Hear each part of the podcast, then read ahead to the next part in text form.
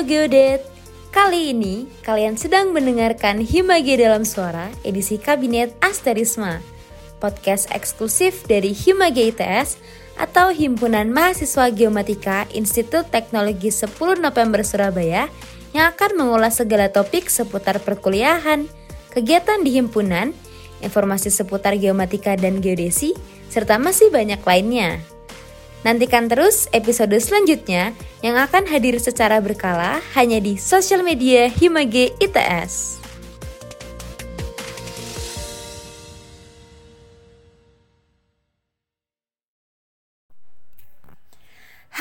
Cek cek one two three. Selamat pagi, siang, sore, malam Di mana pun kalian mendengarkan podcast ini. Selamat datang lagi di podcast Himage Tes Pada kegiatan Himage Menyapa Yang merupakan agenda dari Sosmas Asterisma Himage Tes. Kali ini Himage Menyapa akan mengundang bintang tamu Yang merupakan seorang staf dari Perpustakaan Teknik Geomatika ITS Siapa lagi kalau bukan Bapak Sukimin? Hayo, siapa yang belum pernah ke perpustakaannya Geomat? Pas banget nih buat dengerin podcast ini sambil kenalan sama Pak Sukimin. Oke oke, sebelum masuk ke podcastnya, nggak afdol banget kalau kita belum kenalan nih teman-teman.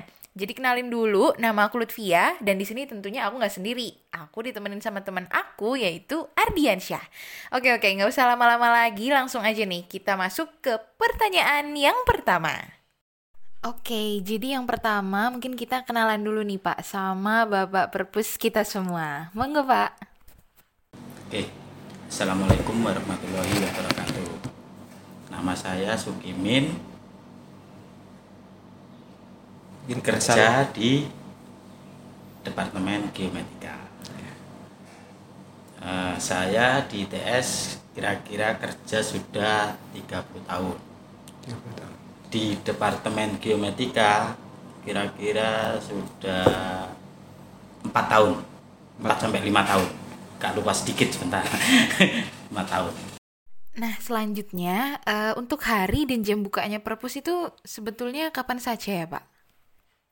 Jam 7.30 jam 7.30 sampai jam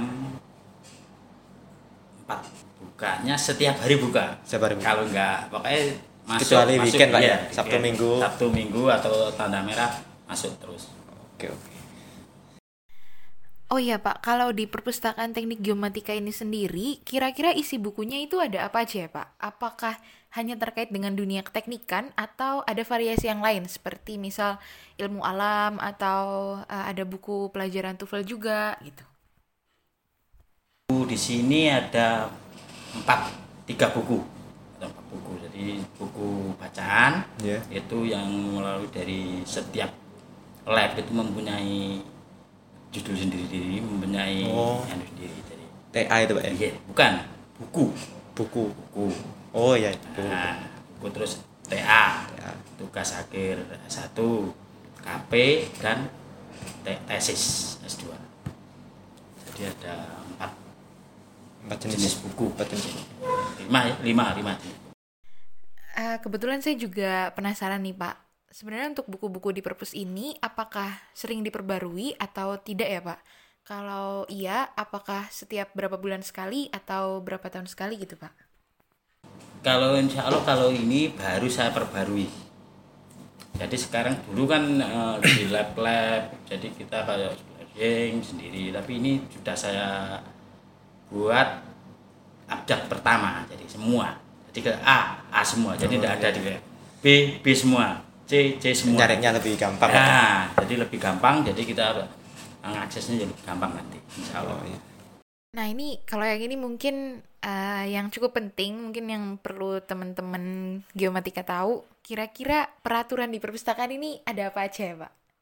peraturan nggak boleh bebas kok. Perpus kan untuk anak-anak yang penting nggak mengganggu temannya yang lain mungkin jelas. bawa makanan minuman juga boleh Boleh. Oh. yang penting nggak di kuliah kalau yang penting satu nggak mengganggu teman-temannya karena di sini kan belajar kan harus tenang Iya. ya tenang kan ingin minum ya minum masa harus minum keluar nggak apa-apa tapi kalau makan kan nggak mungkin lah minum oh, iya. Mengingat kapasitas perpustakaan yang kecil, apakah ada batasan untuk jumlah pengunjung nih Pak? minimal sehari kira-kira ya 10 maksimal maksimal wah biasanya banyak full kadang-kadang ya tidak ada Kalau full itu sampai semua kursi du- semua. duduk di mana pak? Kalau nggak cukup pak? ya Karena saya kalau nggak cukup gantian Oh gantian.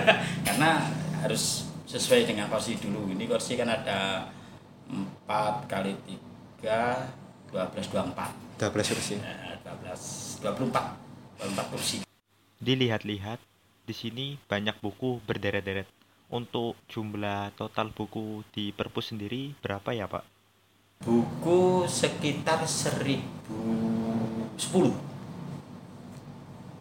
Selama menjaga perpustakaan ini, apa aja hal-hal menarik yang pernah terjadi di perpustakaan ini ya Pak? ya menariknya ya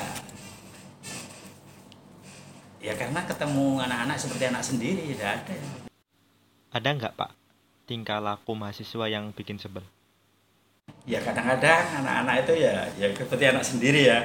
Nggak ya saya dia ada yang jaga ya kadang-kadang keluar masuk nggak keluar nggak permisi. Lu di mana tadi? Ya, itu. Nggak pernah ada kejadian kayak ada yang menghilangkan buku atau oh nggak, merusak belum. Alhamdulillah belum. Tapi Sangat kalau amanah. memang, eh, kalau ada buku ya tetap ada solusinya nanti Ada prosedurnya, Pak, ya? Iya, ada disuruh fotokopi atau memang nggak ada ya diganti. harus beli ganti, yang rugi. jelas ya.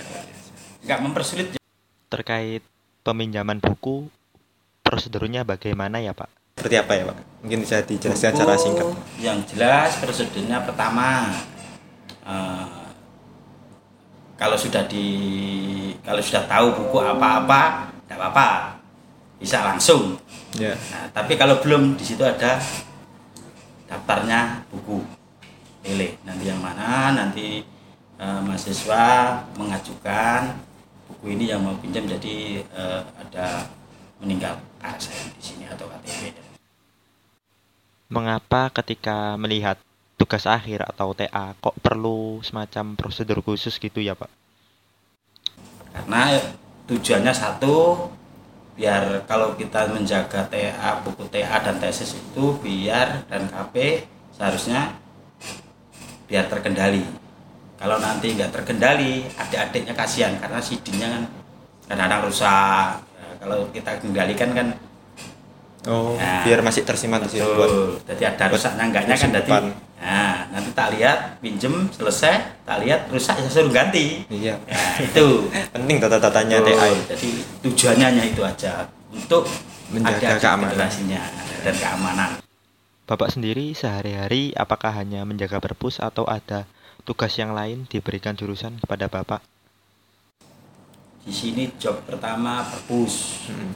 Job kedua saya koordinator eh, menjaga anak-anak THL kebersihan. Mm-mm.